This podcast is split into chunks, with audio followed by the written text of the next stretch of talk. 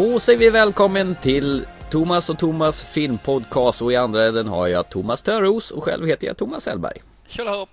Tjolahopp! Idag ska vi göra ett specialavsnitt om en av de största äventyrarna på film någonsin. Precis, han som är döpt efter uh, Jycke. Just det, det är bara en massa hundar som är döpta i den här filmsviten vi ska prata om. Som än så länge är uppe i fyra stycken. Ja, fyra stycken filmer, en tv-serie, massa dataspel. Eh, elva stycken vara korrekt i dagsläget. Spel? Elva spel, elva speltitlar. Åh, fantastiskt. Serietidning finns det också tror jag. Ja, det gjorde det också. En serietidning som fanns en gång i tiden, det stämmer. Och en hel mängd plagiat. Vi talar förstås om Indiana Jones. Jajamän. Jag, jag tror nog själva att hans tema, ledmusiken till Indiana Jones är väl det som är mest känt av alla musikteman någonsin tror jag. Nej, jag funderar på om det var någonting mer, mer än Hajen då som de flesta kan väl också. Men nej, Indiana är nog faktiskt eh, mer känd. Det tror jag nog. Till och med barnen kan ju den på grund av Lego-spelen. Det, så är det ju. Det är många barn kan ju det utan att ha sett filmerna överhuvudtaget. Allting ja. började väl 1981? Eller mm. allt började väl lite tidigare än så. Eh, historien, den har väl du Thomas? Jag har historien. Ja, för, fördela den vidare till resten av lyssnarna.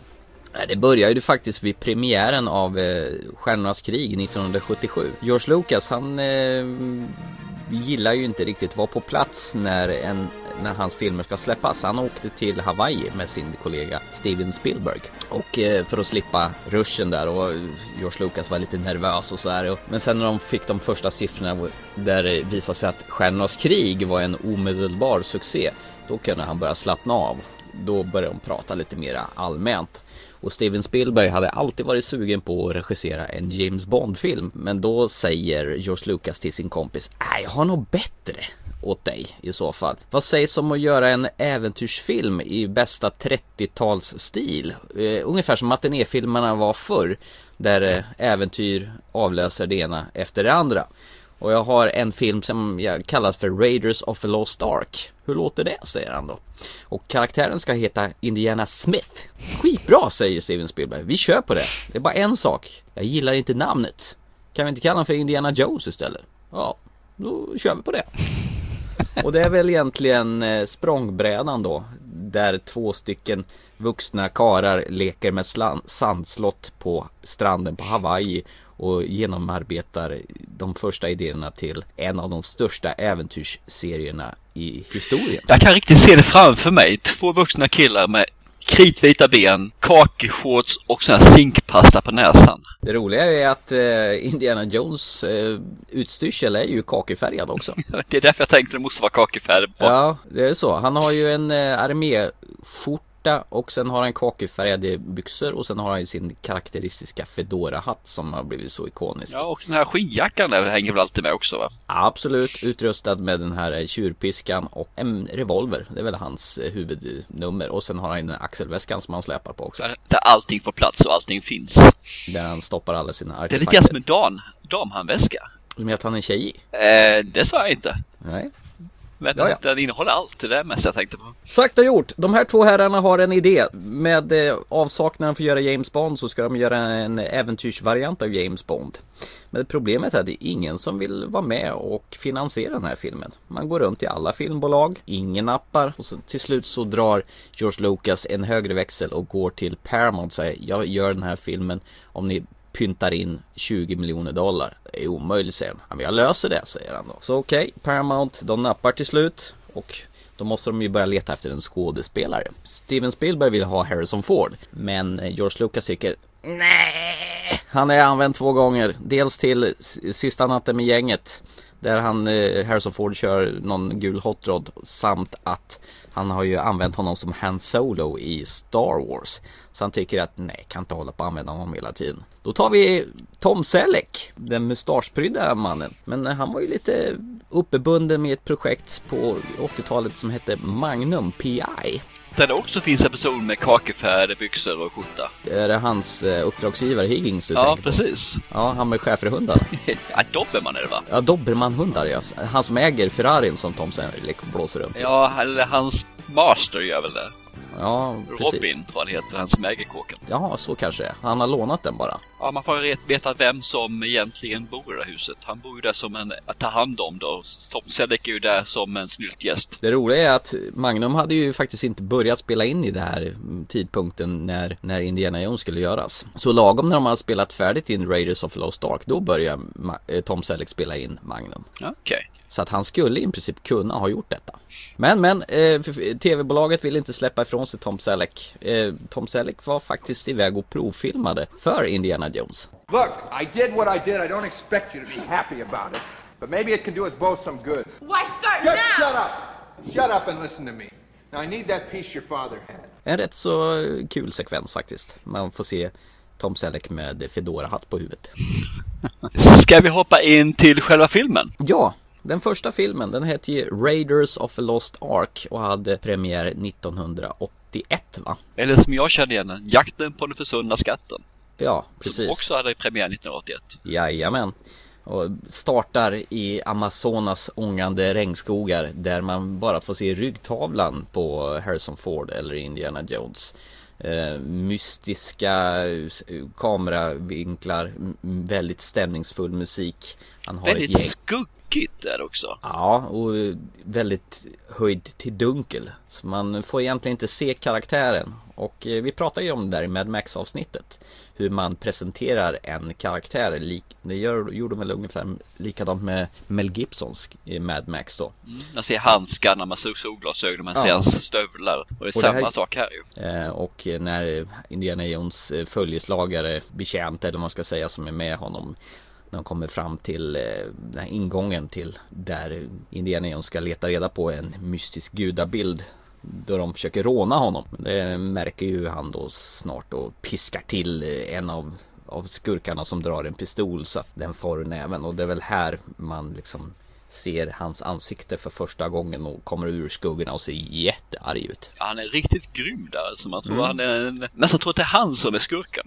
Det är ju väldigt missvisande. Så tycker man sätter en ton i filmen där som att den ska bli ganska våldsam och ja, mörk. Det jo. är det ju inte, så det är ju som du säger missvisande så det rungar om det. Jag vet inte om det är, om det är medvetet eller inte, men Nej, man, man känns lite lurad. Ja, man presenterar ju hjälten på ett felaktigt sätt. Ja, jag tycker det faktiskt. Ja. Så vet inte jag om det är meningen att det ska vara på det viset, att de tycker att ja, det är coolt att göra så här, så lättar vi upp efterhand, eller om det de bara tyckte det var en cool scen som de var tvungna att göra. Stod så i storyboarden, här hjälten ska presenteras urdunkligt. Hur som haver så kliver de ju in i det templet och då har han ju med sig, han har ju med sig Alfred Molina i sin första roll som man sedan har sett i Da Vinci-koden bland annat och massa andra ställen. Han är ju betjänten som hux flux blir attackerad av massa tarantellaspindlar. Spindlar som helt plötsligt kryper på hans rygg. Mm. Indiana Jones är ju helt orädd på det så han börjar ju borsta av hans rygg med det hela. Men eh, i själva verket så spindlarna rörde sig inte en millimeter när de skulle spela in detta.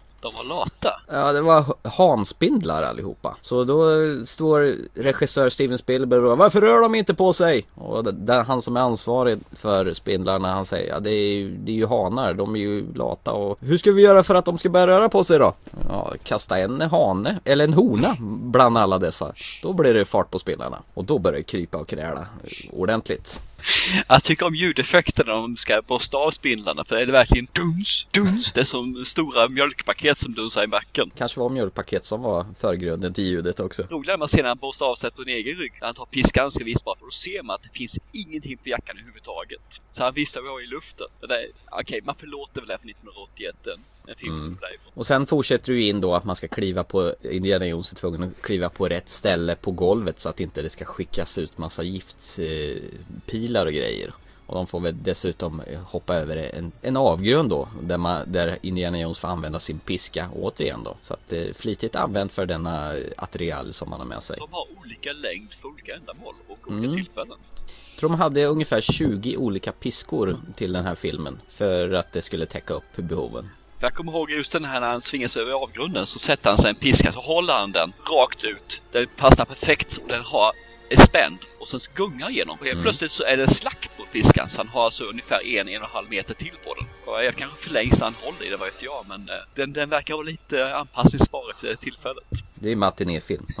Ja, men det är kul. Jag, Ja. Det är liksom inget klank på filmen. Jag tycker bara det är skoj. Och sen är ju nästa ikoniska scen när han får tag i den här äh, gudabilden som står på ett altare längst in i den här grottan då. Och han byter ju ut den mot en påse sand som han haft med sig in. Som ska ha ungefär samma vikt. Och naturligtvis går ju allting åt helskotta och hela templet rasar sönder och samman och det blir en ganska rask jakt, språngmarsch ur det här templet och då struntar man ju i pilar och alltihopa utan då är det bara att försöka ta sig ut med livet i behåll. Ja, det är roligt men jag har sett massor av biljakter, båtjakter, jag har sett flygjakter. Men en stenjakt är det här första gången jag har sett alltså. Ja, ja, med den här gigantiska stenbumlingen som var gjord i glasfiber som rullar efter honom. Han fick faktiskt göra den här sprinten tio gånger eh, för att det skulle täcka upp från alla kameravinklar och han snubblade ju på ett ställe där. Och det var ju faktiskt inte meningen, men de behöll det i, i scenen för att skapa lite mer nerv och intensitet faktiskt. Det var coolt gjort. De försökte ju faktiskt och, och för att få det här riktiga mullret från den här glasfiberplastgrejen för att den skulle verka tung så hade de ju gått upp för någon eh, stor brant och rullat ner stora stenar men ljudet det blev aldrig riktigt fränt. Så när ljudteamet åkte hem eh, från en återigen ett misslyckat försök till att få till ett sånt här bra ljud i sin Honda Civic så upptäckte han, jädrar vad det rasslar från hjulen som går mot asfalten. Då stoppar man ner mikrofonen mot hjulet och där fick man det perfekta ljudet för klotrullet. Ja, men då är det en biljakt i alla fall i stort sett. För det är ju en Honda Civic han då jagar då egentligen. Jajamän. Ja, ja. ja. I allow it. Ja. Men jag tycker det är kul hur man hittar ljud och sådana saker. Alltså, framförallt Mm. förr när man gjorde det här med när, man rev av hår så kunde det vara selleri man rev sönder och sådana här saker bara för att det skulle låta riktigt fräckt. Sen när eh, Indiana Jones kommer ut ur templet då blir han ju bestulen naturligtvis. Det första som händer på den gudabilden av han Belloc. Som rånar dem bara rakt upp och ner och är kompisar med de här indianerna Hovitas utanför då. Som spelas av Paul Freeman. Paul Freeman ja, som är en eh, brittisk skådespelare som får skjuta på franska. Han gjorde en eh, provinspelning där och han tyckte att jag gjorde det så värdelöst här nu med min taskiga franskbrytning. Men han fick rollen i alla fall. Som faktiskt har medverkat i Hot Fuzz, den här brittiska filmen också. Var han med där också? Jajamän. Den här eh, morden i Midsommar-aktiga filmen. Ja, fast eh, lite mer än så va? Ja, ja. Det är även Timothy Dalton är med och spelar någon überskurk. Jaha, där ser man. Den forne James Bond-skådisen. Ja, det var intressant. Det visste jag faktiskt Ja. inte. Nej men eh, det här är ju, alltså introt på det här, det är ju i och med att eh, Steven Spielberg inte fick göra en James Bond så gjorde han ju Indiana Jones och han börjar ju precis som i James Bond-filmer med en sån här teaser, ett litet mini-äventyr innan det själva huvudfilmen sätter igång. Vilket Och finns vid alla fyra filmerna va? Inte i den fjärde faktiskt. Är det inte det? Nej, där kastas du direkt in i handlingen och fortsätter därifrån. Så att introt på film nummer fyra är den enda som inte har ett intro. Är det I- därför den är så kass alltså? Ja, de har ju glömt liksom vad vi ska komma till fyran senare. Ja, Och eh, väl hemma då, han, Indiana Jones är ju inte bara en äventyrare och arkeolog, han är ju också lärare va? bland annat. Ja, Han är han, ju soldat, han är spion och han är det mesta tänkte jag säga. han är en man med många strängar på sin lyra, eller piska. Ja, precis. Många skott i sin pistol. Nej. Och det är väl här själva huvudhandlingen sätter igång när han blir kontaktad av den amerikanska regeringen som inser att Hitler är bra sugen på att leta på ett, en gammal artefakt som kallas arken eller förbundsarken. Där Moses stentavlor, de ursprungliga tio budorden fanns med, de här första stentavlorna, som han slog sönder sen och blev förbaskad för de avgudade en eh, avbilder och sådär, gyllene lammen och sånt där tror jag det var. Det var, det var väldans vad du är påläst i, i religionen där. Ja, det är klart man måste veta, som att det blir till illa så Gud blir beredd på en.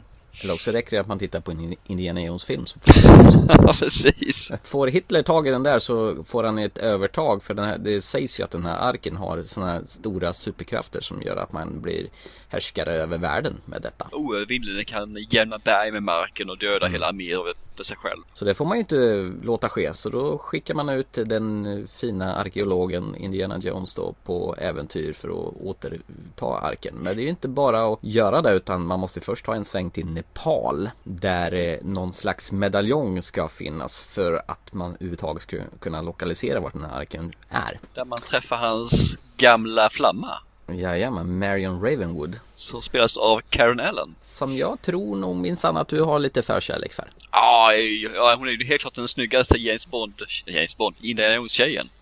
Så att, eh, Potato, potato, ungefär ja samma sak. precis. Nej men hon ser jättebra ut. Framförallt så lyfter hon ju filmen totalt här. Hon har ju mm. ett, en sprudlande glädje faktiskt i filmen. Hon har kul, the max. Det, nej, jag tyckte om henne. Hon finns med fyran som vi återigen ska komma till sin lova. Och första gången man ser henne då sitter hon ju på sin bar som hon driver där i Nepal och eh, tävlar i ju vem som kan dricka mest eh, shots utan att ramla omkull. Så det, det är en rätt så kul scen när hon sitter och super i kapp. Ja, jag tycker om den scenen, det gör Och där kommer ju Indiana Jones infarande och man ser bara hans siluett på väggen då. Återigen så här, man leker lite grann med hans eh, rollkaraktär och skuggor och alltihopa. Jag tycker bara det mest är kul det här fallet när hon sitter och häftar i sig. Man ser de här, det är väl åtminstone 15-20 glas, sådana här shotsglas de häftar i sig. Mm. Killen han däckar och hon håller på, i alla fall spelar hon håller på. Men så fort det är klart så är hon spiknykter. Ja, det är sant. Har hon fuskat tro?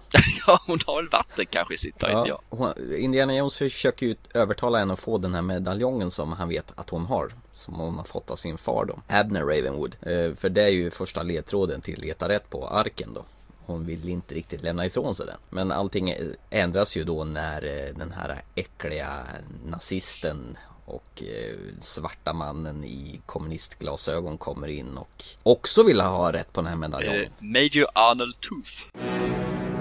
Good evening, Fräulein. The bar is closed. We are, we are not thirsty. What do you want? The same thing your friend Dr. Jones wanted. Surely he told you there would be other interested parties. Han är nog en av de slämmigaste elakingar jag sett på film ja. någonsin alltså. Han är i alla fall bland topp fem. Han är rätt skön när han bränner, bränner eh, handen när den här medaljongen har legat i elden där och han ska ta den med handen och får ett inbränt eh, avtryck av den där medaljongen i handen. Och det roliga är att han inte så att han hugger den snabbt utan han tar den långsamt, långsamt och ändå håller han den i fem sekunder. Han är inte snabb grabben. Nej, sen springer han ut och svalkar sin snödriva. ja, och det här kommer du in. Det här är lite humorn nu var det lite mm. slapstick-humor och det där tycker jag, men det finns ju rätt så mycket humor i filmen överlag alltså. Oh ja, till och med. Både ordvrängeri och sådana här saker då med lite fysisk humor. Speciellt när de eldar ner hela hennes bar där och allt brinner upp så är det ju gjort på en, med en komisk timing. Är ja, det, ju. det är det faktiskt. Mycket, mycket av fighting-scenerna ligger där också med lite komedi och clowneri. Och nästa steg från Nepal är ju till Egypten och Kairo. För var någon annanstans ska den vara gömd? Mer än Egypten? Det är väl här man får se andra gången denna klassiska karta som med, från punkt A till B som visualiseras med en röd linje som rör sig över kartan och så de spelar den här klassiska Indiana Jones-temat i olika varianter. Det är väl ganska ikoniskt med de här filmerna, de här transportsträckorna från land till land. Det är ju ett billigt sätt att göra transporterna på. Ja. Man visualiserar. Mm. Slipper man ha massa flygplan som flyger hela tiden. Ja, man får väl se flygplanen lite så här bild i bild tillsammans med de här ja. kartorna. Men hur som haver, när man kommer fram till Egypten, Tunisien är stand in för Egypten. Man frågade, kommer man se pyramiderna eller sfinxen här? Bara, Nej, det har vi inget intresse av. Bra, då spelar vi in i Tunisien för det är billigare och inte lika krångligt för, med den egyptiska staten för att få filma. Ja, för kan jag tänka mig det faktiskt. De är ju rätt vrånga när det gäller sådana här saker. Jag tror mm. de enda som fått vara spela in där är inte den James Bond-film som är inspelad där. Ja, älskade spioner. Ja, så att eh, det, stämmer. det är nog en av de få som har fått tillträde att göra något sånt där lite mer extra. Så de hade ju lite meck i alla fall, eh, även fast de var i Tunisien. Det var ju bland annat att plocka ner alla antenner, för filmen ska utspela sig på 30-talet. Och det är inte så mycket tv-antenner på 1930-talet. Så att eh, då kunde man ju inte fixa bort sånt med sudda ut, alltså med datorgrafik och sådär. Fick man göra det fysiskt alltså istället? Jajamän, man fick plocka ner varenda tv-antenn för att det skulle se tidsenligt ut. Ja, det tycker jag är coolt. Och det är här de träffar Salla. Det är hans sidekick kan man väl säga egentligen, eller en av dem. Han, eller, han, får, han har minst en i varje film. Och mm. det här är väl sidekicken i första filmen. John Rice Davis. Mm. Som vi känner igen som en liten dvärg. Ja, just det. Från Sagan om ringen-trilogin. Precis, där han släpper omkring på, tror jag 30 kilo rustning i hela dagarna. Jag kommer ihåg, när det finns ju en scen, eller en intervju med honom när han beskriver detta liksom att det var kul för de andra. De sprang liksom i eh, Legolas då. Han sprang ju i någon lätt tygdress. Och eh, han Argon han sprang ju i någon lätt ringbrynja. Han fick alltså springa upp för backarna. Samma fart som de andra fast med 30 kilo järnskrot på sig. Och det var ju inte en gång. Han fick göra det 10-15 gånger upp för den förbaskade backen. Svettigt värre. Ja, men han är ju en stor grabb så han ska klara av det. Jo, det är väl här de här klassiska daddelscenen sker. När det är Indiana Jones på snudd håller på att bli förgiftad av dadlar. Visst är det så är det en liten apa som går hädan. Jajamän, som är en nazistapa dessutom. Och alla ni som är djurvänner kan jag lova att apan överlevde verkligheten. No, no animals were harmed during this eh, production. Och någonstans här så förirrar sig eh, Marion och blir bortförd i någon form av eh, sån här tvättsäck eller Ja, en korg, tunna. va? Korg ja. Det var ordet jag sökte. Och mitt i alltihopa så ställs Indiana Jones öga mot öga mot en stor kaxig svärdviftande krigare. Som tycker att nu ska jag ge Indiana Jones på nöten där då. Och där kommer den klassiska scenen. Här var det tänkt från början att Indiana Jones ska svinga sin piska och träffa svärd, svärdet och, och handen på sin motståndare och dra den ur näven på honom. Men eh, hela produktionsteamet inklusive Harrison Ford led av matförgiftning här och han hade väldigt hög feber. Det ser man även i scenen att han ser ganska svettig ut. Man fick korta ner sekvensen och eh, Harrison Ford säger att vi skjuter fanskapet istället. Så han tar ju upp en pistol och skjuter honom bara på tvärt så att eh, krigaren dör.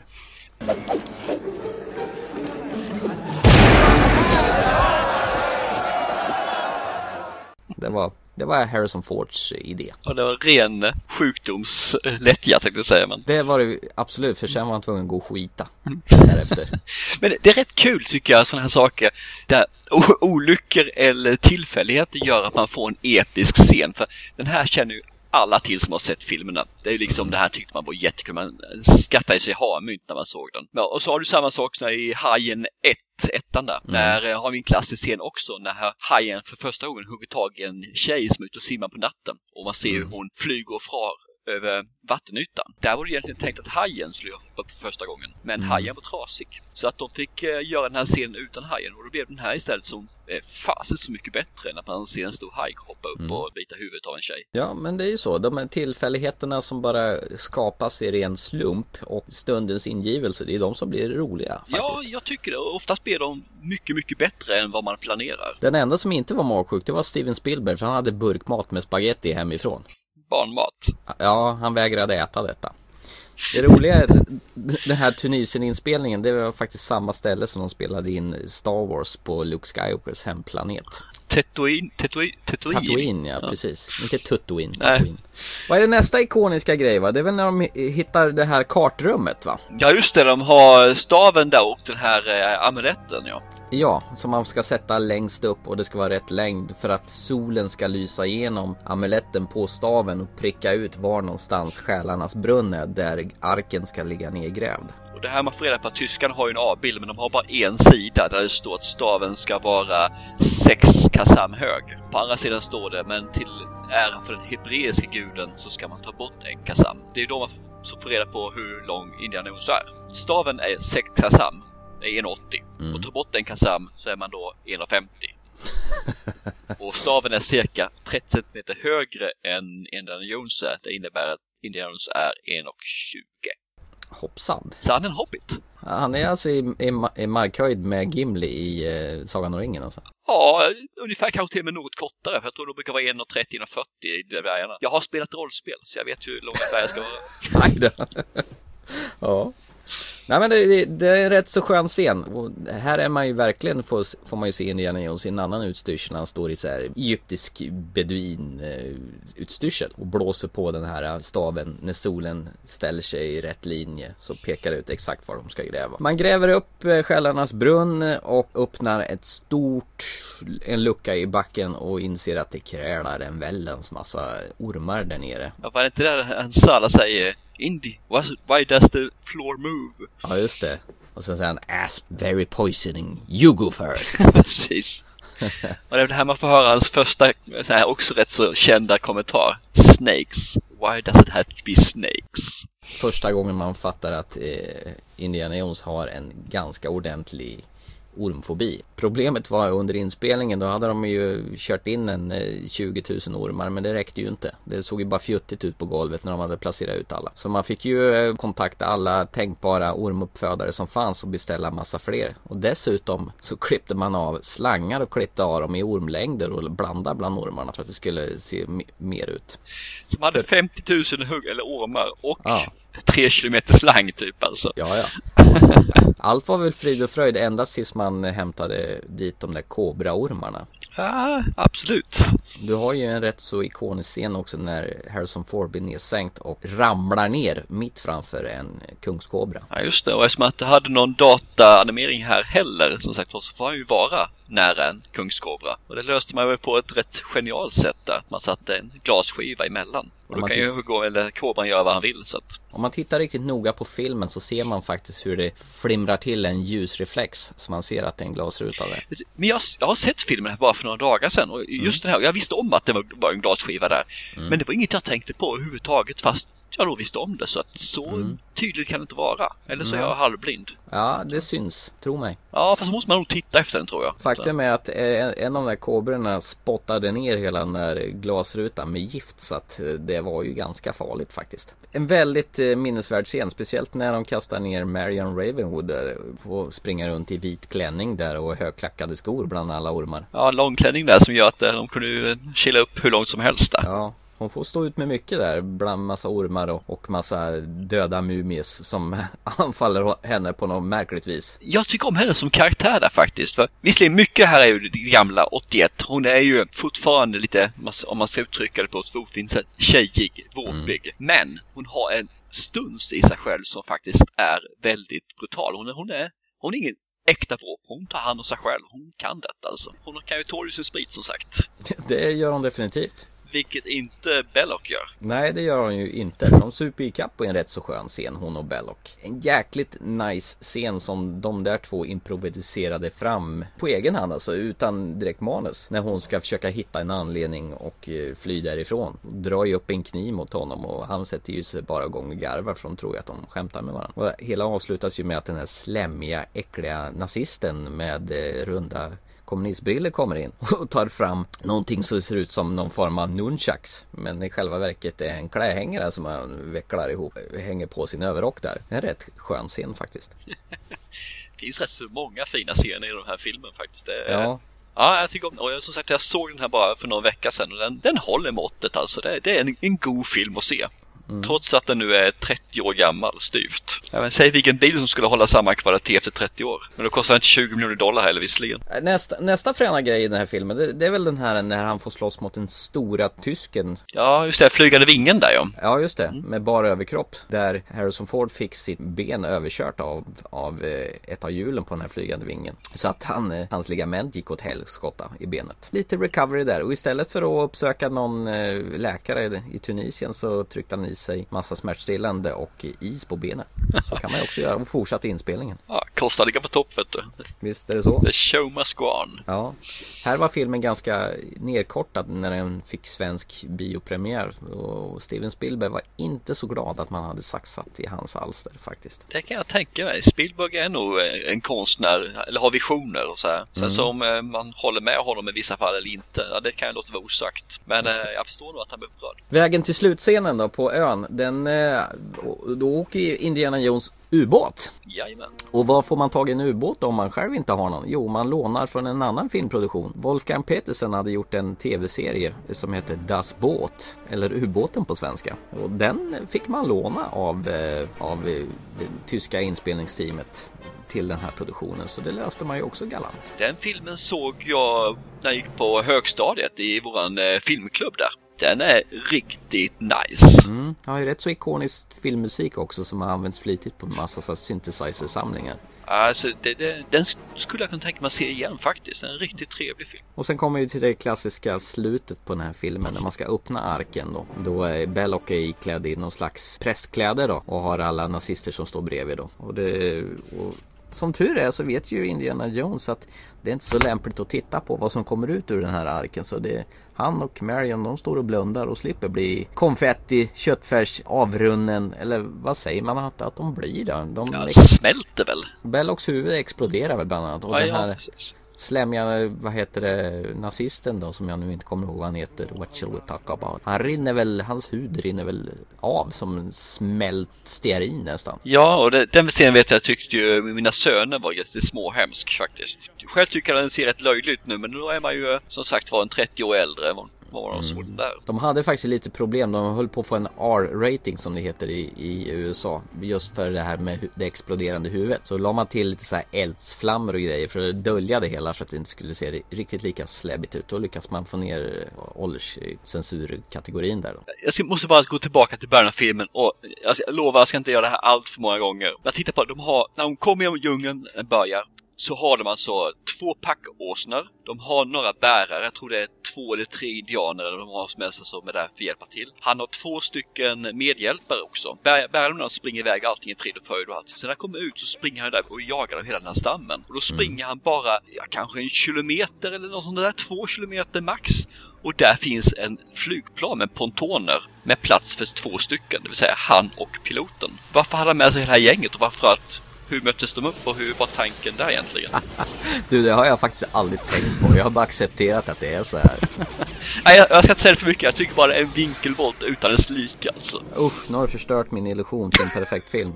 Tack för den då. Varsågod. Film nummer ett är slut. Ja, men det slutar ju med att man flyttar in arken till ett lagerhus, något hemligt lagerhus någonstans. Och det här är väl det som är ikoniskt med Indiana Jones-filmen att det han lyckas lägga vantarna på, det blir han också av med på något vis i alla sätt. I början av filmen blir han av med gudabilden, i slutet av filmen så blir han av med arken. Den låses in på något varuhus för att samla damm och bli utspikad för att försvinna. Area 51 och sådana här saker. Där det finns ungefär 2000 hektar med andra lådor som ser likadana ut. Eh, tänkte du på en sak förresten när de packade ner den här arken i en låda? Så målade de över den här med att ha det här Hitlermärket, inte hakkors utan det här med örnen är det ju. Och den ligger sedan i den här transportbåten, den ska transporteras bort. Då bränns det märket bort. Ja, just det. Men bara det runt det märket, är det lite symboliskt tror du? Ja, det är det säkert för att eh, nazisterna inte var något vidare att ha. De är inte snälla. Nej, definitivt symboliskt alla gånger. Eh, ska vi hoppa över till eh, film nummer två? Ja, vi hoppar fram eh, till eh, tre år fram i tiden. 1984. Det roliga med den här filmen, så Indiana Jones och Temple of Doom, eller Det fördömdas tempel som det heter, den utspelar sig året innan eh, jakten, den försvunna skatten. Så det här är väl egentligen den enda Indiana Jones-filmen som inte har någon referens till eh, förbundsarken. För att Indiana Jones har ju inte vetat någonting om detta i och med att eh, Temple of Doom utspelar sig året innan. Stämmer. Konstigt, men så är det. Japp. En prequel lite grann alltså. En prequel ja. Och filmen startar i Shanghai faktiskt. Med ett sångnummer utan dess like. Mm. På en klubb som heter Club Obi-Wan. Aha, Obi-Wan. Där känner jag det namnet. Mm. Obi-Wan Kenobi. You're my only hope. Och det här är den enda filmen i serien som använder, när filmen startar så kommer ju en sjungande eh, Kate Capshaw utfarande i ett musikalnummer som du nämnde då. Ja. Till, till eh, låten Everything Goes. Eh, fast hon sjunger den på eh, mandarin tror jag. Ja, det borde det vara något sånt där. Exakt. Och här är ju enda filmen av alla de fyra Indiana Jones-filmerna som använder det här typiska Indiana Jones-typsnittet som är på alla filmposters och alla affischer. Alla de andra filmerna är bara en vanlig vit eh, text med en eh, svart ram runt. Okej. Så det är lite spännande faktiskt. Ja, det är rätt intressant. Mm. Eh, Det som också är lite spännande är ju också att gruvvagnsscenen i den här filmen och den här flottescenen som vi ska komma till senare. Det var sekvenser som blev över från eh, Raiders of the Lost Ark, den förra filmen. Ja, den som spar han har alltså. Ja, så man eh, scener som inte kom med, det stoppar man in i nästa film förstås. Ja, jag tycker det är helt okej. Sen så tycker jag väl scenerna i sig är väl något annat. Men vi kommer till det kan vi. Vi kan väl börja när vi första gången möter Indiana Jones i film nummer två. Som heter Indiana Jones och det fördömdas tempel för övrigt. Vi träffade honom egentligen när han håller på att förhandla med eh, Ja, vad kan det vara för något? Någon... Nurhaci, det är någon eh, kejsare som eh, domderade i Kina mellan 1616 och 1626. Och det är faktiskt en eh, verklig kejsare som har funnits på riktigt. Ja, men det tror jag nog. Allting de använder är nog verkligt om man säger så, finns. Och det är ju den här kejsarens aska som den här eh, kinesen vill ha tag i då. Ja, som heter Lao Shi tror jag. Lao Shi, ja, precis. Och de har de ett sånt litet fränt bord som man kan skjuta på, eller snurra på. Och det är ju för att underlätta, de använder det fortfarande i Japan och Kina när man äter sushi bland annat. Och där ska ju Harrison Ford få en diamant som eh, betalningsmedel mot den här askan då. Och den där diamanten åker väl fram och tillbaka rätt många gånger på det bordet. Ja, eller diamanten. Det är väl mest att han får ju pengar först och sen så ska han väl få en diamant sen eller vad det är för någonting. Och efter att han har fått det så vill han väl skåda sin egen framgång. Vilket kan vara ett misstag ibland. Ja, för han blir förgiftad. För att kunna få motgifter så är han tvungen att lämna tillbaka diamanter som han precis har fått. Och eh, det vill han ju inte. Nej. Och framförallt så vill ju säkert inte Lao Shi heller ge honom motgiftet sen. Och här blir det ju en riktig batalj här då när det blir ett kaos. Det börjar skjutas och börjar slåss och gång gång kapas iväg och Indiana Jones får ta det som skydd och så tar han med sig den här Willie Scott då, Kate Capshaws rollfigur. Hoppar ut genom ett fönster och kraschlandar i en bil som körs av den 12-årige Shot Round som ska ta dem i säkerhet. Som är sidekick nummer två. Han kommer följa med resten av filmen tänkte jag. Jag tycker det är kul att de använder ett barn som en sidekick på det här viset. Det är inte så ofta man gör det faktiskt. Eh, För jag menar på filmen i sig själv är ju, jag vet inte när den kom till Sverige. Var den 15 års 5 filmen? Det var det va? Ja det måste den ha Ja, varit. 15 års... Ja. ja, jag fick inte se den på bio. Jag försökte ta med mina föräldrar, eller mina föräldrar försökte ta med mig för att jag hade tjatat så många gånger. För jag hade ju sett första jakten 2000 gånger kändes det som. Så jag måste ju bara se den här filmen. Det här var Men, faktiskt eh, den första det- filmen jag såg. Nummer två var den första jag såg. Ja, men då såg du dem i rätt ordning då. Ja, ja eller något. Ja, Ja. kronologiskt i alla fall. Tidsenligt i alla fall. Ja, precis. Jag fick inte heller se den. Så jag fick ju se den med kompisen sen eh, på vi- video istället. Jag kommer ihåg jag gick hem, gick hem och hyrde Herbie vild, vild och galen istället. Den här bubblan, vet du, Disney-bubblan. Som kunde åka är så på dålig! egen hand. Ja, det var inte riktigt lika fränt va? Nej, precis. Nej, så jag fick ju lätt vänta till den kom ut på video på SLT-video med det gula fodralet man hyrde Moviebox, du vet. Mm. Det kommer jag faktiskt ihåg för jag tror nog jag såg den här, ja, det är preskriberat nu, men jag såg den nog på en kopierad kassett. Okej, ja, vi hyrde den för 50 spänn så såg man den fyra gånger innan man lämnade igen den. Som sagt var, alltså, alltså blev det en vild biljakt där med short round vid pedalerna med klossar på fötterna för att nå- ner till dem. Ja, precis, han är kort killen. Och eh, det slutar väl med att de kör ifrån dem och eh, får väl komma på plan för att åka iväg. Ja, men det ägs ju av Chao Li, eller Cha- Lao Shi menar jag. Lao Chia, precis. Och här får man se Dan Aykroyd i en liten cameo som tar emot eh, Indiana Jones och kompani. Ja, just det ja, det stämmer. Eh, väl upp i luften så hoppar ju piloterna ur och lämnar eh, sina passagerare till att krascha helt enkelt. Jag Och tycker fortfarande det är kul när de går förbi när de ligger så så här. så här diaboliskt elaka. Ja, Serietidningselaka. Varför ska man skratta högt så man riskerar att de här vaknar? Vad känns? Jag Ja, vet ja. inte. Och sen har de dumpat bränslet också. ja, det är bäst att göra på Ja. det viset. Och det här är rätt, kul. När de väl vaknar till och inser att planet håller på att krascha och Indiana Jones försöker styra, styra till där. De håller på och åker mot en klippa så hör man ju propellerna, de st- propellermotorerna stannar ju en efter en.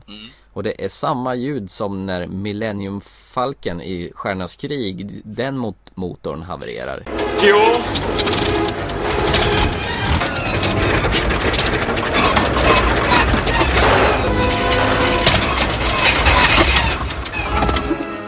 Ja, det stämmer ju! Ja, det eller hur? stämmer ju! Vet du? Exakt samma ljud har de använt det där. Nu när du säger det så kommer jag på det, det är Ja. helt rätt. Ja. Eh, Jag måste bara säga en sak till. I samband med det här nu, för de hoppar ju ut som du sa i den här flotten Mm. och seglar vidare och sen så kommer ju planet att krascha. Mm. Nu ska jag göra någonting som man inte ska egentligen. Jag hoppar vidare in i film 3.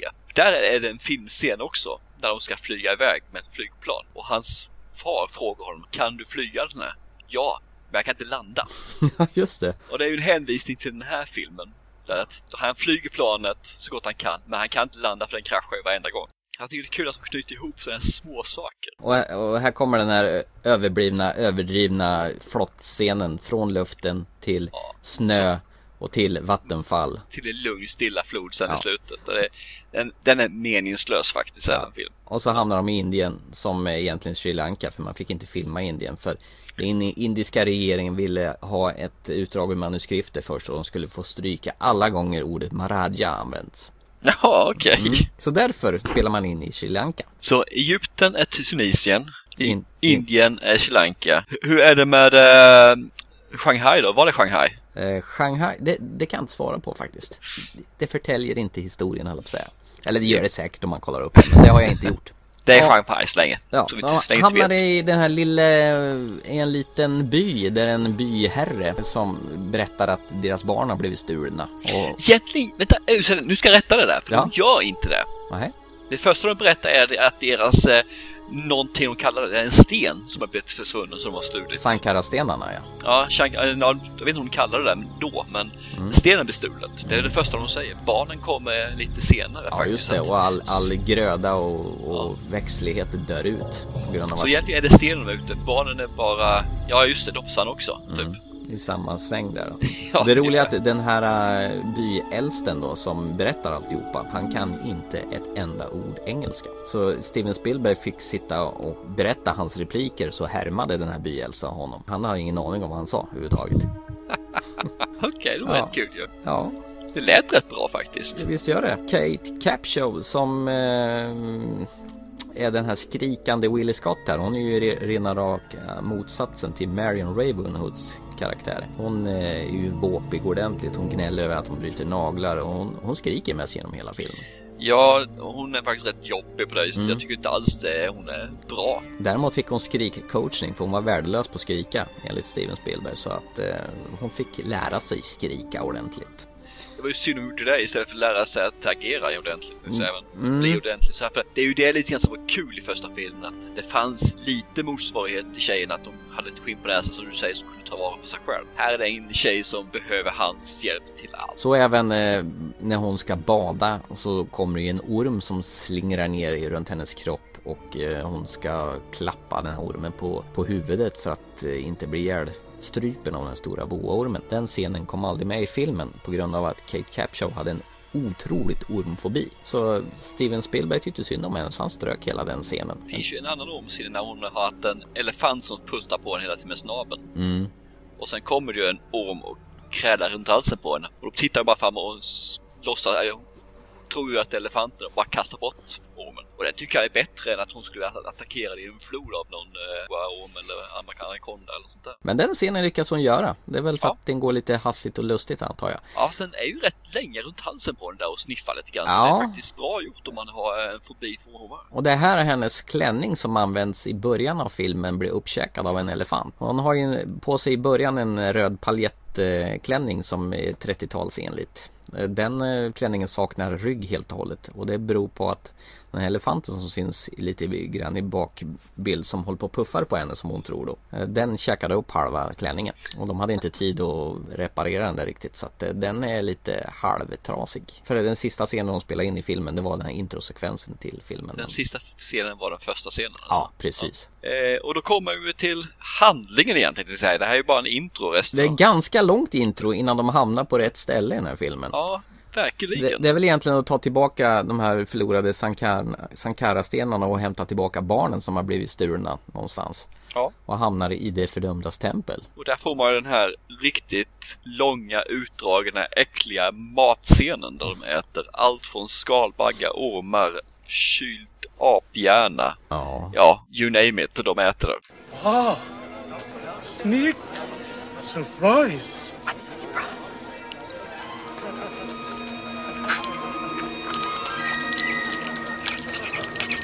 What?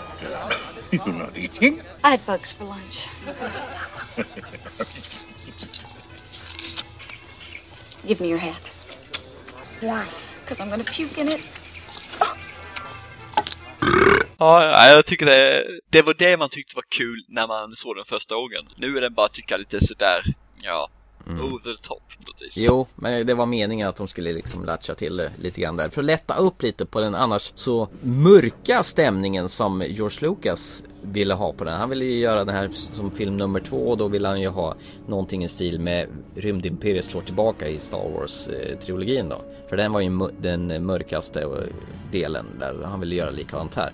Dessutom var han på riktigt dåligt humör för att han låg i skilsmässa med sin fru också som också satte sina avtryck på inspelningen av detta. Det är det som är kul. Vill man ha en mörkare film så ska man ju inte ha en eh, storskrikande Kate Capshaw där utan då ska man ju ha en annan typ av figur istället tycker jag. någon balans där och jag tror att Steven Spielberg ville lätta upp det som George Lucas svärtade ner. Ena och skilsmässa inte bland alltså. Ja, exakt. Harrison Ford, han skadade ryggen ganska ordentligt. För han blir attackerad i någon sekvens där när han är på sitt rum. Det kommer en sån här taggy, taggy, har vi förklarat vad en taggy är förresten? Det är ju en av de här som kommer från fördömdas tempel som är med i Sekten. då. Kulten. Kulten, ja precis. Och attackerar honom. Och Harrison Ford slänger honom över huvudet och där någonstans så knäcker det till hans rygg så att han skadar sig så rejält så han blir, han är tvungen att åka tillbaka till USA och operera ryggen. Så att det är en, eh, många sekvenser när han slåss i det fördömdas tempel där så är det hans stuntman Vic Armstrong som står för hela eh, sceneriet och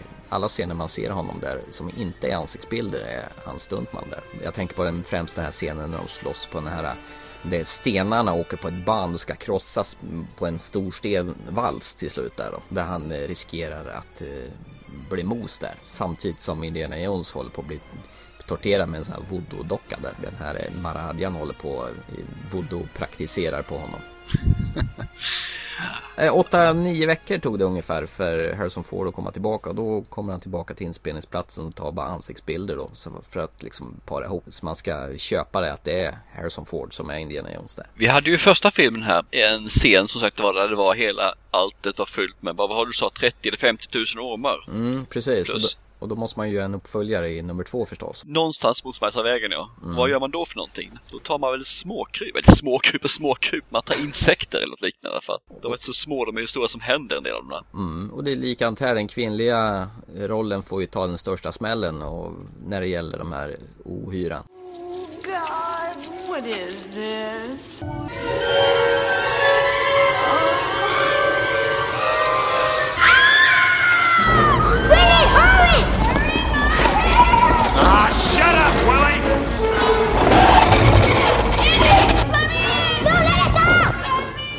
Ja, helt plötsligt hon har ju saker som kryper i håret eller köret. Så. Men det är rätt kul när man ser en sån där som kryper upp i håret. Har du tänkt på det? Äh, rätt länge sedan du såg den här kanske. Ja, men jag vet vad du menar.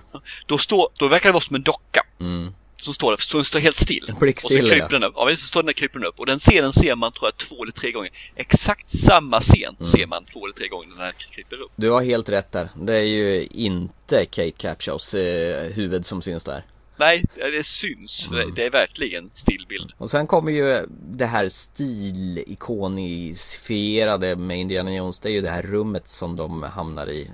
Där spikar kommer urträngande ur taket samtidigt som taket håller på och sjunker mot Indiana Jones och Short Round. En av elementen som gör de här filmerna unika det är de här ställena med fällor och grejer. Ja, utan fällorna så är det ingen Indiana Jones. Nej, lyckas ju faktiskt eh, lösa det här med att Willie Scott får rycka tag i ett handtag som gör så att det här taket far tillbaka. Och sen springer hon in och är hysterisk och böjer sig ner och lyckas sätta sin rumpa mot en panel som gör att, hela processen återskapas en gång till. Men de lyckas ju ta sig ut till slut och med eh, andan i halsen och han är tvungen att få tag i, är det sin hatt eller piska han? Eh, hatten den här gången, piskan i första filmen. Ja just det.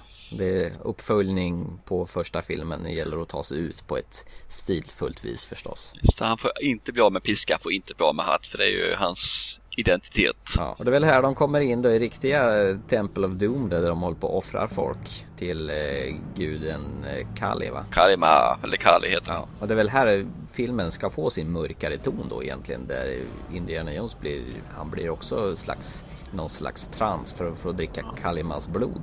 Flykten ur Temple of Doom det är ju den här klassiska gruvvagnsscenen som också blev eh, över från förra filmen. Som man bygger en gruvvagnskomplex i det här eh, som är värsta berg och dalbanan. Ja, det är rätt intressant att man gör så i en gruva. Man vill kanske ha det ganska platt så man kan putta den där vagnen fram Ja. och tillbaka istället. Men det måste ju resultera att det ska bli en mäktig eh, actionsekvens. Om man inte kör med bilar då kan man åka med gruvvagnar. Det är ju ganska unikt. Ja, Kanske. precis. Och låta rälsen saknas på vissa ställen så gruvvagnen får hoppa från ett ställe till en annan. Återigen så är det någonting som man inte har sett innan. Man har ju inte sett biljakter, stenjakter såg man ju förra gången. Nu helt plötsligt så är det då en, eh, ja vi kan säga tåg, men det var väl spårvagnsjakt eller vad man ska säga för någonting. Ibland så ser det ju lite futtigt ut för vissa av de här sekvenserna är gjorda med miniatyrer och dockor och det syns ju ganska ordentligt. Då Industrial Light Magic kanske inte var på sin topp då. I och för sig får man väl ta, ta det för att det är gjort på 80-talet så här. Men det syns ju ganska uppenbart att det sitter dockor i den här vagnen. Där. Jo, man ser dem kastas fram och tillbaka. Det gör man ju. Någon sekvens när Short Round eh, hänger mellan två gruvvagnar så har han väldigt långa armar och väldigt långa ben. Men hur, hur tänkte de då? Du sa att den här var tagen, var så sparad att man... Ja. Var den inspelad då i den? Alltså nej, nej, utan det nej. fanns med i manuskriptet. Ja, så det var ja. För jag tänkte det liksom att det var sparat som filmmaterial. Ja, ja. Nej, själva sekvensen var tänkt att användas i första jakten. Men ja, det var, den kom inte med. Likadant den här båtflottescenen. Så att eh, de har sparat det och skrivit in det i handlingen helt enkelt. Sen kommer man väl till själva slutsekvensen på den här filmen. Det är ju då när klimaxet utspelar sig utanför Temple of Doom då på en stor hängbro som är uppställt mellan... Eh, Vi har en scen innan där jag skulle vilja ta faktiskt, innan hängbron. Jaha, okej. Okay.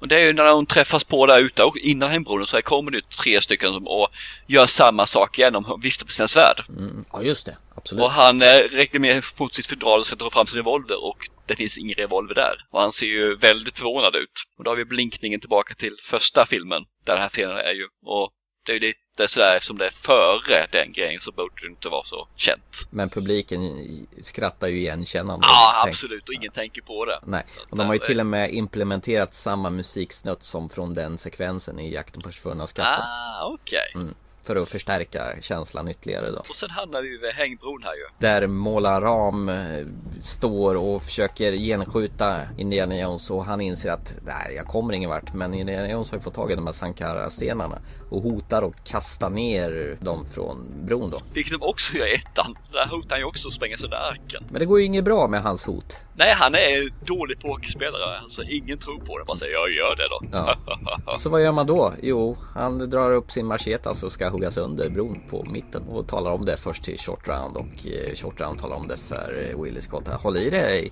lady, we're going for a ride. Och det är här man hade ett litet problem här, eller ett litet dilemma. Man hade byggt upp en eh, tvättäkta bro i Sri Lanka mellan två bergsluttningar ganska högt upp. Man hade en chans på sig att spränga den här bron på ett tjusigt sätt. Hade det misslyckats då fick ju Industrial Light and Magic fejka det med en miniatyr och det ville man ju inte. Så man hade anlitat eh, duktiga sprängexperter och satt upp små laddningar på de här stålvajrarna som skulle smälla på rätt ställe. Och så satte man upp en 13-14 olika skyltdockor ovanpå som man klädde i de här taggdräkterna och satte en mekanisk eh, batteridriven mekanik så att så fort de här eh, dockorna hamnar i rörelse så börjar de sprattla. Så det skulle se ut som att det var riktiga män som föll ner då. Man satte upp kameror från alla möjliga håll. Man använde alla kamerateam som fanns för att man ville ju få den här bron smällen från alla håll. Steven Spielberg höll sig på avstånd för han, var, han är ju så vansinnigt höjd för eh, rädd för höjder då. Medan George Lucas sprang fram och tillbaka och terrade Steven Spielberg för, det, för hans feghet. jag kan förstå dem, jag tycker inte om höjder heller. Nej. Så att... Ett försök i alla fall. Om man lyckas spränga bron och allting såg perfekt ut. Sen krokodilscenerna, det hade Frank Marshall spelat in i Florida. När bron är sprängd åt sidan och man har den här actionscenen där Indiana slåss mot Måla Ram där då. Den här största Tuggy-kultledaren. Då har man spelat in det i en studio i London. Så att tre kontinenter har man spelat in eh, den sekvensen okay. på. Slutligen så tyckte inte Steven Spielberg att det här var ju den bästa Indiana Jones-filmen. Utan det enda som kom bra ut än det var att han fick träffa sin blivande fru, det vill säga Kate Capshaw i den här filmen. Så det var ju inte Indiana Jones som fick damen den här gången utan det var ju Steven Spielberg. Det lönar sig att skrika ibland alltså. Ja, exakt. Och han tror att han fick henne på grund av att han strök den här ormscenen då, på grund av hennes ormfobi. är det så man gör alltså? Mm. Okej, okay. jag tillför ett faromoment och sen tar jag bort det och då helt plötsligt så.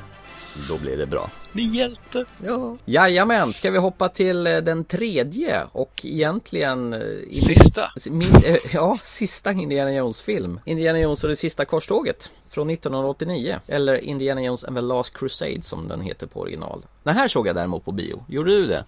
Eh, måste tänka efter. Jag tror jag såg den på bio, ja. Jag tror du hade åldern inne i alla fall för att göra detta. ja 89 ska väl ha åldern inne. Jag kommer ihåg, såg den på Sandrews innan det blev nedlagt. Ja, jag såg den nog på Grand eller något sånt Okej. där. Eller vad det heter för någonting. Biografen Det- som hemma. var byggd på bredden istället för på längden. Helt värdelöst. Man kunde hamna bakom en stolpe om man hade otur. Ja, det är ju rätt intressant ja. Här vill man ju skapa magin från första filmen. Gå bort från det mörka, det mera svarta och tillbaka till det här mera slapstick-humorn som var från första filmen. Då. Och återigen så har man en, en liten mini-teaser och då får man eh, följa den unge Indiana Jones. Man ska få reda på vad som formade honom till den arkeolog han är, komma skulle bli. Och varför han är rädd för ormar. Mm, precis. Bland annat. Så man får ju träffa Indiana Jones i, eh, någonstans i tonåren när han är scout och upptäcker att några gravplundrare håller på plundrar en grav och får tag i ett föremål som är något slags kors som är värdefullt och Indiana Jones tycker att det ska finnas på ett museum. Han snor väl det här korset från gravplundraren och blir jagad på ett tåg och de följer efter och han hamnar i, det här tåget är väl någon slags cirkus på väg och hamnar i en vagn där det förekommer massa ormar och det är där han hamnar pladask och det är väl här han statuerar sin ormfobi bland annat. Ja, jag kan ju visserligen förstå honom där. I det läget har man badat bland ormar så vill man nog inte göra det igen. Och i nästa steg hamnar han inom ett lejon och får tag i en piska som han ska skydda sig med. Lyckas rappa till sig på hakan och får det här ärret som Harrison Ford eh, äger i verkligheten då. Som Harrison Ford eh, orsakade sig själv när han var 20 ungefär i en bilkrasch. Jag tycker ändå det är kul att de har sådana här små detaljer som touchar in liksom. Ja, ja, visst, de tar sig tid. Indiana Jones får tag i det korset, springer hem till sin pappa, tvingar honom eh, lugna ner sig och räkna till tio på grekiska. Får lämna återigen ifrån sig det där korset till sin rättmätiga ägare, det vill säga den här gravplundraren som egentligen har en annan uppdragsgivare. Och sen får man ju följa i nästa slag hur Indiana, Indiana Jones, han får hatten där då av den här gravplundraren som säger att du förlorar idag men det behöver inte betyda att du gillar det. Och sen när hatten kommer på då tittar han upp- igen då är det en vuxen Indiana Jones vi får träffa. När han tar tillbaka korset återigen faktiskt. Jajamän, så det är samma sekvens fast massa år senare. Eh, och sen är vi tillbaka på universitet igen här. Är gammal hedlig stil faktiskt. Och Tillsammans med sin kollega och mentor Marcus Brody då som även var med i första filmen men inte i Temple of Doom men nu tillbaka igen i den här tredje delen då. Temple of Doom så kändes det mer som att där var han mer eh, äventyrare än arkeolog. Men här är ju tillbaka igen då ska bli arkeologen Harrison Ford. Eller så Indiana Jones med ju. Vad handlar då sista korståget om då? Ja, här, vad finns det mer att göra egentligen? Vi har haft en kult med ädelstenar, vi har haft en ark som dödar folk med bara öppna på locket. Så klart vi har bara en sak kvar som jag ser det ju. Det är The Holy Grail. Just det, Monty Python. I ungefär, fast utan flygande kor. Ja, och inga heliga handgranater. Och, och galna kaniner som skyddar Mördarkaninerna, just det. Nej, här är den heliga graalen som Jesus drack och som sägs att den som dricker ur graalen blir odödlig. Det är ju givetvis en uppdragsgivare här med som heter eh, Walter Donovan som eh, vill ha tag på det. Han har ju kommit över en sten där det finns en del av texten som förklarar var den här graalen ska finnas gömd någonstans. Det roliga är att Walter Donovan som spelas av Julian Glover, han var även med i Star Wars Episod 4 och spelar en av de här som ser ut i de här gamla militärkläderna som är med på Dödsstjärnan. Så han har återanvänt den skådisen också. Ja, okej. Han är med ur Dödlig synvinkel också. Det stämmer, det stämmer. Grejen är ju det att jag tror nog att Steven Spielberg har återanvänt rätt mycket skådespelare som har figurerat i James Bond-filmer. Det är väl ett sätt för honom att knyta an och frustrationen att han aldrig fick göra en egen James Bond-film. Då tog han många av skådisarna därifrån istället och använde i sina filmer. Okej, ja det är ett sätt. Efter många om och men här så tackar jag i alla fall Harrison Ford ja och mestadels är det för att den som har letat efter den här The Holy Grail innan där är ju hans far Och är försvunnen. som heter Professor Henry Jones. Jajamän. Och spelas av vem då? Sean Connery. Det är en mäkta stor skådespelare. Ja, de, var, de ville ha honom till varje pris och som tur för teamet så tackade Sean Connery ja. Lite märkligt bara för att eh, Harrison Ford är endast 12 år yngre än vad Sean Connery är. Och så, Ska börja se tid. Alltså jag köper ändå det i filmen så sätt de har gjort han så han ser äldre ut än Ja, Harrison Ford. visst. Så att man köper det liksom. de har ju en väldigt fin fin eh, relation faktiskt. Ja. Så att han försvann ju då pappan i Va- Vene- Venedig är det, just det, Venedig är det. Mm, så spåren leder ju dit då. Yes, så där gäller det att börja leta. Som hjälp så har ju pappan skickat eh, sin dagbok till Indiana Jones då. The Holy Grail Diary. Ja, och den är han ju väldigt rädd om så det måste ju ha hänt någonting riktigt illa om man nu skickar den till honom då. Yes, Nazisterna vill ju förstås ha tag i den här. de kommer. Så eh, ledtrådarna leder till eh, Venedig och ett bibliotek. Där får vi träffa Indiana Jones-tjejen igen då alltså. En ny tjej för varje film. En ny tjej som heter Elsa i filmen. Som är Alison Doody. Exakt. Som man har sett i A View to a Kill eller den här löjliga svenska James Bond-titeln Levande måltavla. Den sista filmen med Roger Moore. Du må kalla det löjlig men det är, den, det är så jag känner filmen. Levande måltavla. Eh, Roger Moore är ju fan pensionär när han gör den här rollen. Han är ju närmare 60. Hon är väl ännu med i Kung Salomos skatt va? Ja, den här nyinspelningen av Kung Salomos skatt med Ja, Patrick Swayze. Ja, precis. Mm. Men tidigare är det med, eh, med eh, Sharon Stone bland annat. Det roliga var faktiskt att Sharon Stone var påtänkt för Temple of Doom faktiskt. Men eh, hon av någon anledning tackade nej eller var inte tillgänglig. Vad synd. Det Mm. hade varit fasen så mycket bättre. Vad tycker du om henne då som eh, Indiana Jones kärleksintresse eller sidekick eller vad man... Nej, hon är ingen Vi sidekick. kan väl säga att det är sam... Det finns en scen här precis när de träffas. Där han fattar tycke för henne med en gång liksom. Mm, henne med smör på. Och så han stjäl en blomma. Och så har de en dialog då med att jag ger dig den här. Och då säger hon, jag brukar stjäla sådana ofta. Nej, det här är första gången eller sådana saker. Och då tar hon emot den. Och det är så stelt. Det finns ingen kemi mellan dem överhuvudtaget. Nej, har du helt Utan rätt det, det är verkligen, jag läser mina repliker, Mm. nu läser du dina. Ja, Okej, är vi klara nu? Bra, du kan gå och ta en kopp te.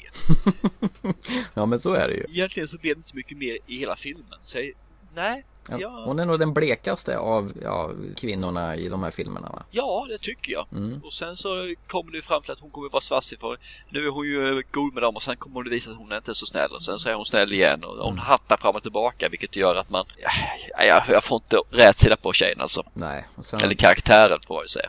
Det är ju i och för sig lite kul att hon har haft en eh, sexuell relation med både pappan och sonen. Båda Jonesarna. Ja, jo det Mm. gäller ju att vara buksvågrar. ja, precis. Så är det. Det hela leder ju ner till eh, det här biblioteket som de går in till och ska hitta en ingång där nästa ledtråd då ska finnas till den heliga graalen. Det vill säga att det ska ligga en tempelriddare någonstans nedgrävd. Här vi kommer in som sagt var ormar, insekter och Råttor. råttor. Stora råttor. Mm. Många råttor. Elaka råttor. Jajamän, det här är ju uppföljare nummer tre. Men eh, för att inte produktionen skulle bli pestad av massa smittodjur så avlade man upp råttorna själva. Själva filmproduktionen gjorde det. Så man hade ju massa råttor eh, hängande och vuxnande lite här och var faktiskt. Jag kan ju inte mer bli imponerad vilket engagemang grabben har alltså. Fast han eldar ju inte upp dem sen utan det är mekaniska råttor som man sätter eld på där Ja, nere i det katakomben. gör inte det sämre om man säger så. Jag måste bara backa tillbaka förresten. Till ormarna i första filmen. Du menar på att han hade 30 000 ormar, han tog in ytterligare så han hade 50-60 000. Mm.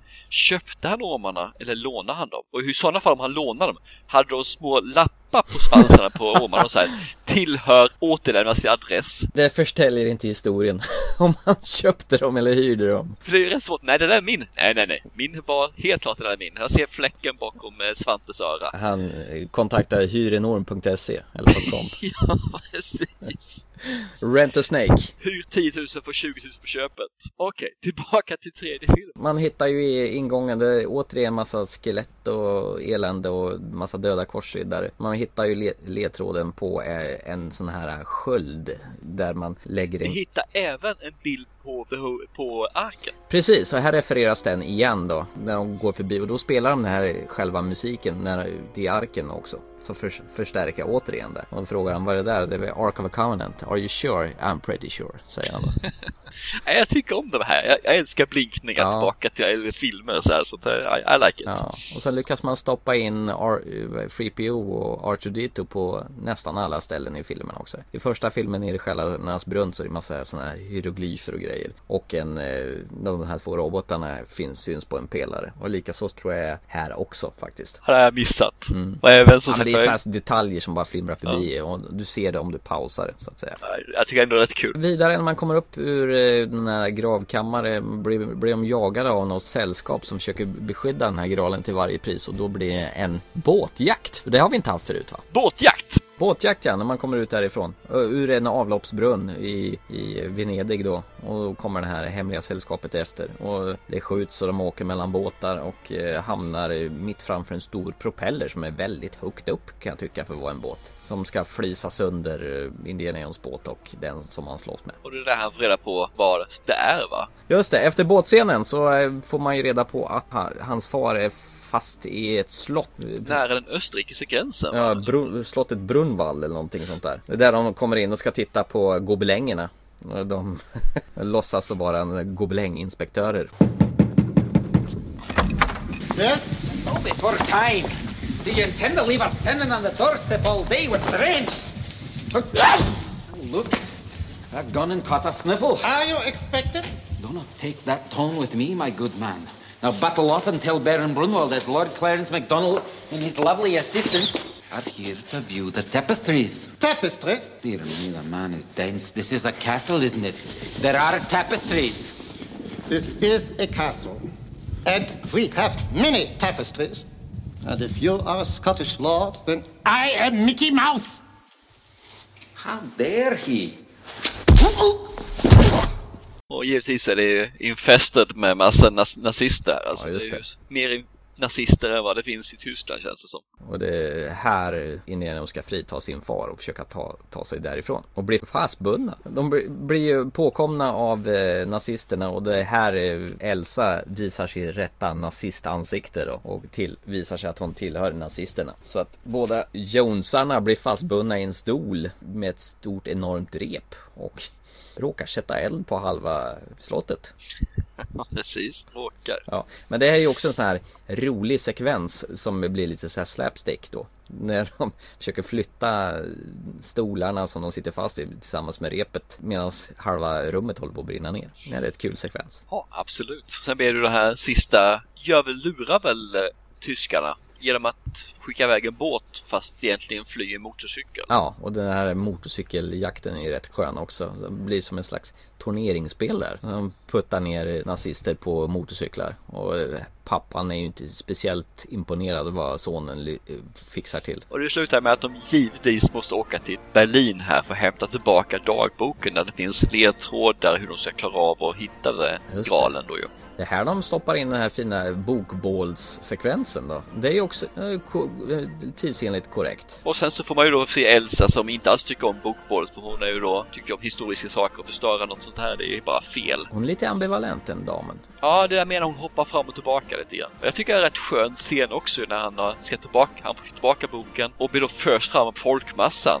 Ja, Och just det. Möts precis med Hitler när han vänder sig om och ska rusa ifrån. Och så får han en autograf av honom. Ja, vi som öppnar upp den här boken och skriver autografen Adolf Hitler. Ja, det är faktiskt en jättekul scen. Ja, jag tycker om det. Det är så här, lite, ja, mysigt. En nice touch. Och sen är det då igen vidare neråt till Alexandria. Exakt. På vägen där så innan det så genomför de ju en fritagning för pappan blir återigen tillfångatagen. Så Indiana Jones måste rädda honom ur en stor pansarvagn och så vidare. Men slutsekvensen landar ju i Alexandria där den heliga graalen ska finnas då. Och för att skapa lite motivation så har ju gurken i filmen Walter Donovan som är tillika Indiana Jones uppdragsgivare så också jobbar för nazisterna. Skjuter Indiana Jones pappa i magen för att eh, Indiana Jones verkligen ska göra allt för att kunna nå den här heliga graalen.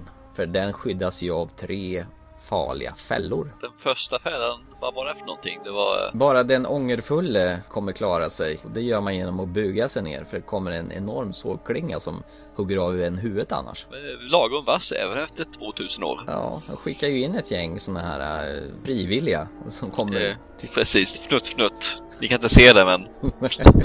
som kommer tillbaka hudlösa. Nästa, ja vi behöver inte ta fällorna så sett vad det är för någonting men det är ju tre fällor. Ja, i Guds fotspår måste man kliva och det gäller att kliva på rätt bokstäver, det vill säga Jehovas namn på latin. Och nummer tre, det är att ta det här lejonsprånget va, över... Ja, leap of faith. Ja, precis, över en avgrund och tro att man kan kliva över en avgrund. Sist men inte minst så får man ju då nå målet där vi hade en, en templariddare som har vaktat det här nu då i 2000 år. Ja, han har ju varit odödlig på grund av att han har tillbringat massa tid med den här äh, heliga graalen då. Yes, eller 2000 år, så länge är det några hundra år eller 300 år eller något sånt där kanske. Och då ska man ju välja rätt graal för det står inte bara en graal där i samlingen. Yes, och då kommer ju Elsa och Walter Donovan dit där. Och Donovan säger jag kan ju inget om det här. Hur ska jag veta vilken jag ska välja? Jag väljer åt dig, säger hon då. Precis, och väljer ju... Fel. Which one is it? You must choose. But choose wisely.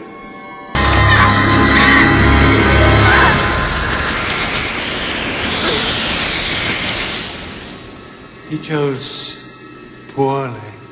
He Shows poorly. Jaha, säger han på lite torrt brittiskt sådär. Det... Medan man ser att han blir gammal och han bara pulveriseras. Han blir gammal i förtid kan man säga. Ja, ja precis. Det ska inte röka. Och så naturligtvis för att man ska hitta rätt så är det ju Indiana Jones tur att välja och han tar ju en graal som är gjord av en snickare. Det roliga är att Indiana, eller Harrison Ford har jobbat som snickare en gång i tiden innan han blev skådespelare. Han väljer den enklaste koppen som finns, drar i sig det där, inser att det här funkar och tar tillbaka graalen till sin far, häller på skottskadan som han har fått och såret läks på en gång. Yes, mm. det är bra det. Problemet är att man får inte flytta den här kalken från det här silet som är någonstans vid utgången av det här templet för då raseras ju alltihopa och de giriga får ju möta sin undergång, bland annat Elsa då. då. Precis, som vill leva för evigt och bli odödlig. Ja.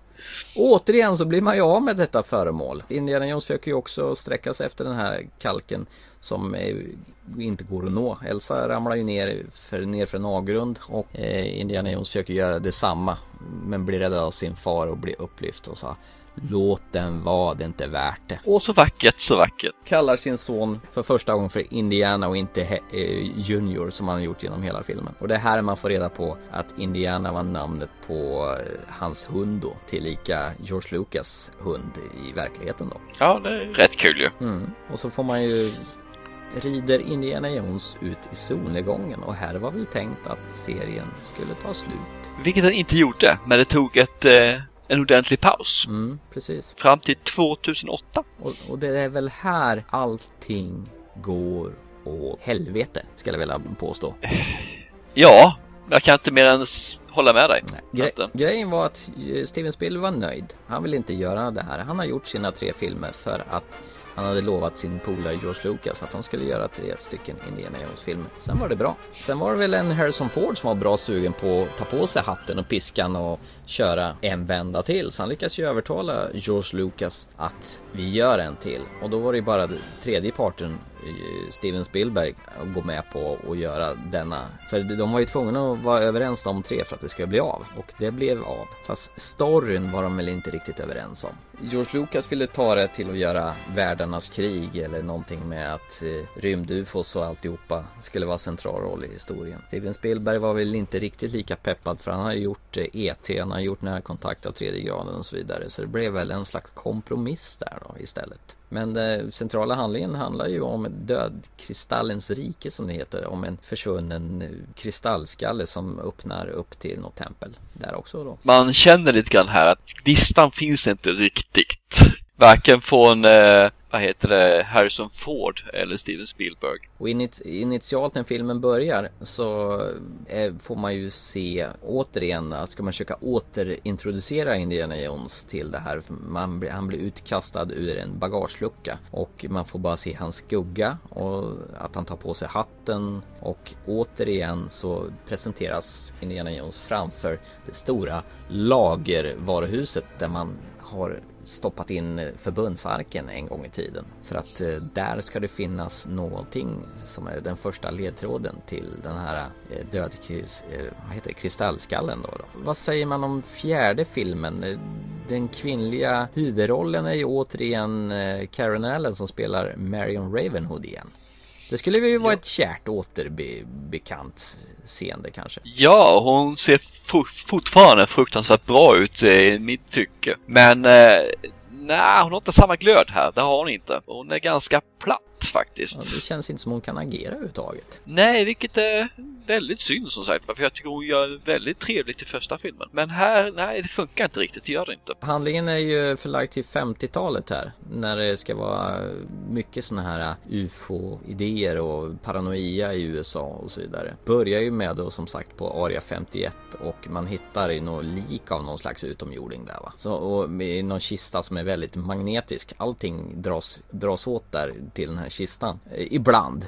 Och ibland inte. Lite selektivt. Väldigt selektivt. Ja. Det intressanta är ju liksom att han måste ha järnpulver för att se vad det här järnpulvermolnet far någonstans. Men vad då? Eh, det räcker väl med en större grej som en k-pist som finns där kanske? Hjälmar som de har på sig? Allt det där är magnetiskt, så varför kan man inte använda dem i sakerna istället? De borde flyga av huvudet på dem tycker man ju. Men det, det, är väldigt selektivt när det är magnetiskt och ibland ja, inte. Och ibland är det magnetiskt mot andra metaller som inte är magnetiska, vilket är rätt intressant. Mitt under alltihopa där så hamnar väl Indiana Jones eh, efter att ha blivit utskjuten ur någon raket av något slag va? Jag nämnde ju att arken kom med i, eh, i, i trean. Den finns ju med här också i fyran. Ja det gör den ju. Den här gången går ju en låda sönder och då får man se en liten snutt av den. Att den där ligger den ja. Precis, så det är återigen en blinkning till förbundsarken med korrekt musik till också.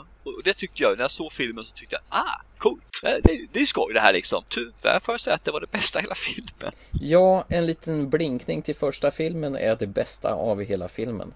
Det är rätt tragiskt. Jag vet ja, ju, det är det. Ja, jag vet ju när du och en annan kompis var iväg och såg den här före mig. Talade om för mig att det här var det sämsta skit ni hade sett på länge. Ja, vi sa det var till och med sämre än National Treasure. Ja, då är det ju dåligt. Två... Ja, fruktansvärt.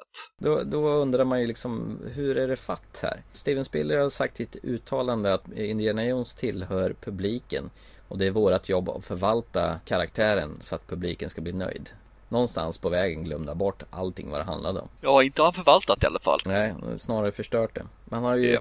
i sig i efterhand eh, anklagat George Lucas att det är hans fel. Steven Spielberg kände in, inte riktigt för att göra det här, men han gjorde det för George Lucas skull. Om han ja. tror på idén, okej, okay, då kör vi väl då. Så indirekt har han sagt att det är hans fel. Ja, och det är mm. sämsta bortförklaringen någonsin. Ja. Alltså, filmen är så dum. Indiana Jones kryper in i ett eh, blyat kylskåp för att komma undan en atombombsprängning. Hamnar flera kilometer därifrån. Kylskåpet är det enda som överhuvudtaget klarar sig i atombomben. Han borde ha slagit ihjäl sig och blivit strålskadad, men ändå så överlever han. Ja, med tanke på att kylskåpet var placerat mitt inne i ett hus borde ju den kanske inte flyga iväg av tryckvågen på det viset. Nej. Men okej, okay, matiné, ja, matiné. Visst, men på något sätt så köper man inte det här längre. Faktiskt, det är kanske bättre att man blir lite äldre och visar och kanske kräver lite grann mer. Men jag hade nog inte köpt det här i första filmen heller faktiskt. Sen introducerar man ju Indiana Jones son som eh, spelas av Shia LaBeouf. Och har den fantastiska namnet Mutt Williams. Eh, som introduceras som värsta Marlon Brando och James Dean karaktär kommer infarande på motorcykel. Blir någon slags motorcykeljakt i, och ända tillbaka till han Barnet College där han jobbar. Tråkigt och oinspirerande eh, fortsatt till någon slags inka-tempel där den här själva kristalldödskallen ska finnas då. Och blivit hämtad ur templet och fört till till annat ställe. Av någon anledning ja. Mm. ingen som vet egentligen varför. Nej, och John Hurts karaktär som har blivit galen. Samma John Hurt som får magen uppslicead i första Alien-filmen. Det är i och för sig rätt coolt. Mm. Det är väl helt okej. Okay. Som heter Professor Uxley. Just som har blivit knäpp. Eh, grejen att ta sig in i den här kristalldödskallens rike eller det här templet. Det krävs ju att man har den här eh, kristallen med sig. Hur? Yes. Men man måste ju ha fraktat ut den någon gång. Ja, då tog de bakvägen. Ja, precis. Mm. Han gjorde som Sean Connery i The Rock. Ja, men den fungerar åtminstone. Ja. Alltså gör inte det här. Nej. Så att, nej, nej, jag, jag blir så trött, jag, jag är inte ens sugen på att prata om den här jäkla filmen. Ska jag vara ärlig så kommer jag inte ihåg så mycket av det här. Det enda jag kommer ihåg är indianerna som sitter inmurade i pelare. Och som sitter och väntar på att det kommer någon förbi och hoppar ur för att anfalla dem. Och de stora köttätande myrorna som är datanimerade. Ja, och det kommer jag ihåg mest för att jag vet att den finns med i eh, det här legospelet. Ja, just det. Och sen den här dumma djungelsekvensen med de här båtbilarna som far ut för stup och grejer och skövlar träd och grejer. Så, som ni märker nu här så har vi gått från etta som vi båda två tycker är fantastiskt, till en tvåa som är bra, till en trea som är riktigt bra också, till en fyra nu som vi bara spyr galla över. Och tyvärr så är den inte bättre än så här alltså, utan den är helt vansinnigt dålig. Jag har sett den här filmen tre, fyra gånger för jag liksom känner att den här gången så kanske jag ser någonting nytt med den här som jag inte har förstått tidigare. Men det är bara genuint dåligt. Speciellt som filmen mynnar ut i någon slags ufo närkontakt av tredje graden och allting som finns i närheten bara blir en enda jäkla tornado. Men vad är det som gör den här filmen så dålig? Är det Ja, de är trötta skådespelarna. Det är de. De vill inte någonting. Men det finns liksom ingenting som gör att det är en Indiana Jones. Det finns inga fällor som man tycker som man tror på. Nej. Nej, det finns ju inga fällor alls. Hans, hans piskanvändning, den är ju obefintlig också. Och det finns liksom inget mål heller som det fanns innan. innan. Målet är att du ska hitta den här arken. Målet var att du skulle hitta den här The Holy Grail. Här finns liksom inget mål utan Nej. ja, vi ska gå dit kristallskallens hänt vi ska gå Ja, mer eller mindre. och ingången dit, man eh, rycker ur några stenar så sanden rinner ut. Det borde varit första gången detta sker men lik förbannat så ligger det massa folk som är spetsade nerför trappavsatserna nedanför på såna här spetsiga pelare då. Och någon måste ju ha fyllt igen skiten då efter att de här har blivit spetsade. Den är ju så fylld med logiska luckor så man blir spyfärdig. Ja, Det är en film som inte borde ha gjorts. Nej. Och det mest katastrofala av allt är att mina barn tycker den här är jättebra. Det är hemskt. Ja, jag vet inte vad jag gjorde för fel. Jag eh, skäms när jag, jag funderar på att eh, ta bort dem från testamentet. Och, och skurken som spelas av Kate Blanchett, alltså en kvinnlig skurk den här gången, är en toklöjlig pottparsfrisyr. Irina Spalk. Ja, just det. Kate Blanchett brukar ju vara fantastisk, men hon är ju kass, även hon här. Allting är kass. Fanns med i eh, Sagan om ringen-filmerna också ju. Så, och slutscenen när eh, Indiana Jones gifter sig med sin Marion Ravenwood i kyrkan och hatten blåser av och Mutt, Mutt försöker ta på sig den. Men nej du, säger Indiana Jones och tar tillbaka hatten och går ut och så rullar efter texterna. Då är jag ju färdig på att kräkas. Vi kan glömma fyran för det är det som jag säger, jag har sett alla tre filmerna rätt så nyligen. Fjärde Mm. filmen för mig existerar inte. Och tragiskt eller hur det är så finns väl rykten om en femma här också. Men det är ju bara rykten än så länge. Jag har försökt eh, kolla upp vad som gäller för detta. Harrison Ford är ju 71 år. Han är ju uppknuten till eh, Stjärnornas krig, Star Wars Episod 7 nu då. I och med att Disney köpte ju rättigheterna från eh, George Lucas för några år sedan. Han gav, fick ju en väldans massa miljarders för sitt eh, Star Wars Imperium och Lucasfilm film allting vad innebär. Så Harrison Ford han eh, spelar ju Han Solo igen, gör han ju. Det är ju lite märkligt det också, kan jag ju tycka. Ja, jag tycker också varför inte välja en ny skådespelare? Ja. Bara kör på det. Igenkänningsfaktor gissar jag på för de som har vuxit upp med de andra filmerna kan jag tänka mig. Fast det behövs inte. Det går liksom att byta ut. Precis, och Harrison Ford han har ju uttryckt sig att han nu skulle vilja göra en Indiana Jones till. Karn är ju trots allt 71 år så att jag tycker nog att det är dags att pensionera honom. Andra rykten säger att Bradley Cooper eh, påtänkt som eh, rebootad Indiana Jones. Han kanske har utseendet och så vidare men det är också bara rykten. Annars har vi han, eh, den här Twilight-skådisen, han Robert Pattinson, också eh, ryktad som eh, arvtagare till att göra detta. För Disney Studiosen ville ha någon yngre skådis för att kunna ha ett långt eh, samarbete med så man kan göra flera filmer för att få liv i den här franchisen igen. Då. Men eh, återigen bara rykten. Så att det, det finns ingenting spikat för någon ny Indiana Jones-film. Eh, Det var som vi nämnde innan här ju att det är ju en stor franchise överhuvudtaget Indiana Jones. Det har gjorts hur mycket som helst. Mm. Det är tv-serier som du nämnde här innan. Eh, han har ju även spel som vi nämnde i början av filmen. Vi har böcker finns det, serietidningar. Mm. Som jag nämligen att det är rollspelsfantast när jag var i yngre dagar. Även ett rollspel finns det, vilket jag dock inte spelade. Så det finns mycket mycket. Och ska vi inte snacka bara de här Lego-figurerna som finns också ute. Så det är ju en hysteri som det var utan dess like för en sån här karaktär som är då över 30 år gammal. Men vill du nämna någonting om eh, tv-serien? Ja, tv-serien. Jag vet inte. Jag började ju kika på den när den gick på tv för många herran år sedan med han eh, Flattery. Eh, nu tänker jag på Lord of, Lord of the Dance. Men det, man fick ju följa den unge Indiana Jones och likadant River Phoenix var ju tillfrågad men han ville inte gå tillbaka till tv så han ville inte göra det med tanke på att han var, spelade den unge Indiana Jones i del 3 då. då. Och Harrison Ford tyckte ju att han påminde ju väldigt mycket om, in, om Harrison Ford när han var ung. Så att det var därför han fick rollen i eh, Last Crusade då, in, i den sekvensen. Men serien, jag tycker den, eh, det var ju ingen så här klassisk Indiana Jones-känsla på det utan det var ju mer en historisk serie. Där Indiana Jones fick möta såna här historiska personer genom tiden. Och för sig så var Harrison Ford med och hoppade in i en kort sekvens sju år innan de gjorde eh, Dödskristallens rike då. Så, så man får se honom i någon kort sekvens i början av någon av de här avsnitten. Men annars så, nej, jag tyckte aldrig serien höll någon hög status faktiskt. Själv då? Nej, jag har sett några avsnitt och den gav ingenting så sagt. Det enda likheten med Indiana Jones var just att det var namnet. Mm. Annars ingenting. Det var väl lite djupdykning om hans yngre år.